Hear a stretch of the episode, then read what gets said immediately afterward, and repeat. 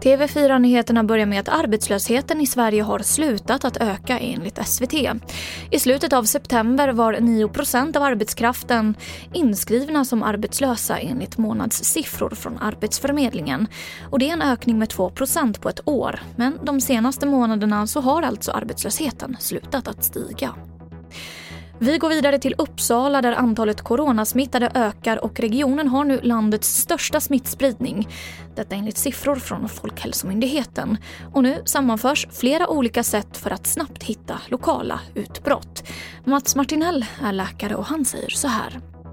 Drömscenario det är ju att vi kan skapa en bild som en karta över var någonstans det finns smittspridning på olika nivåer, olika stadier.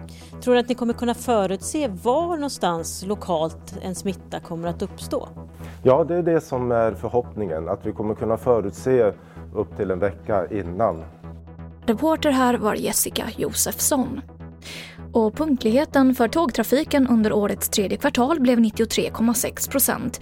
Det är en förbättring med 2 procent jämfört med förra året.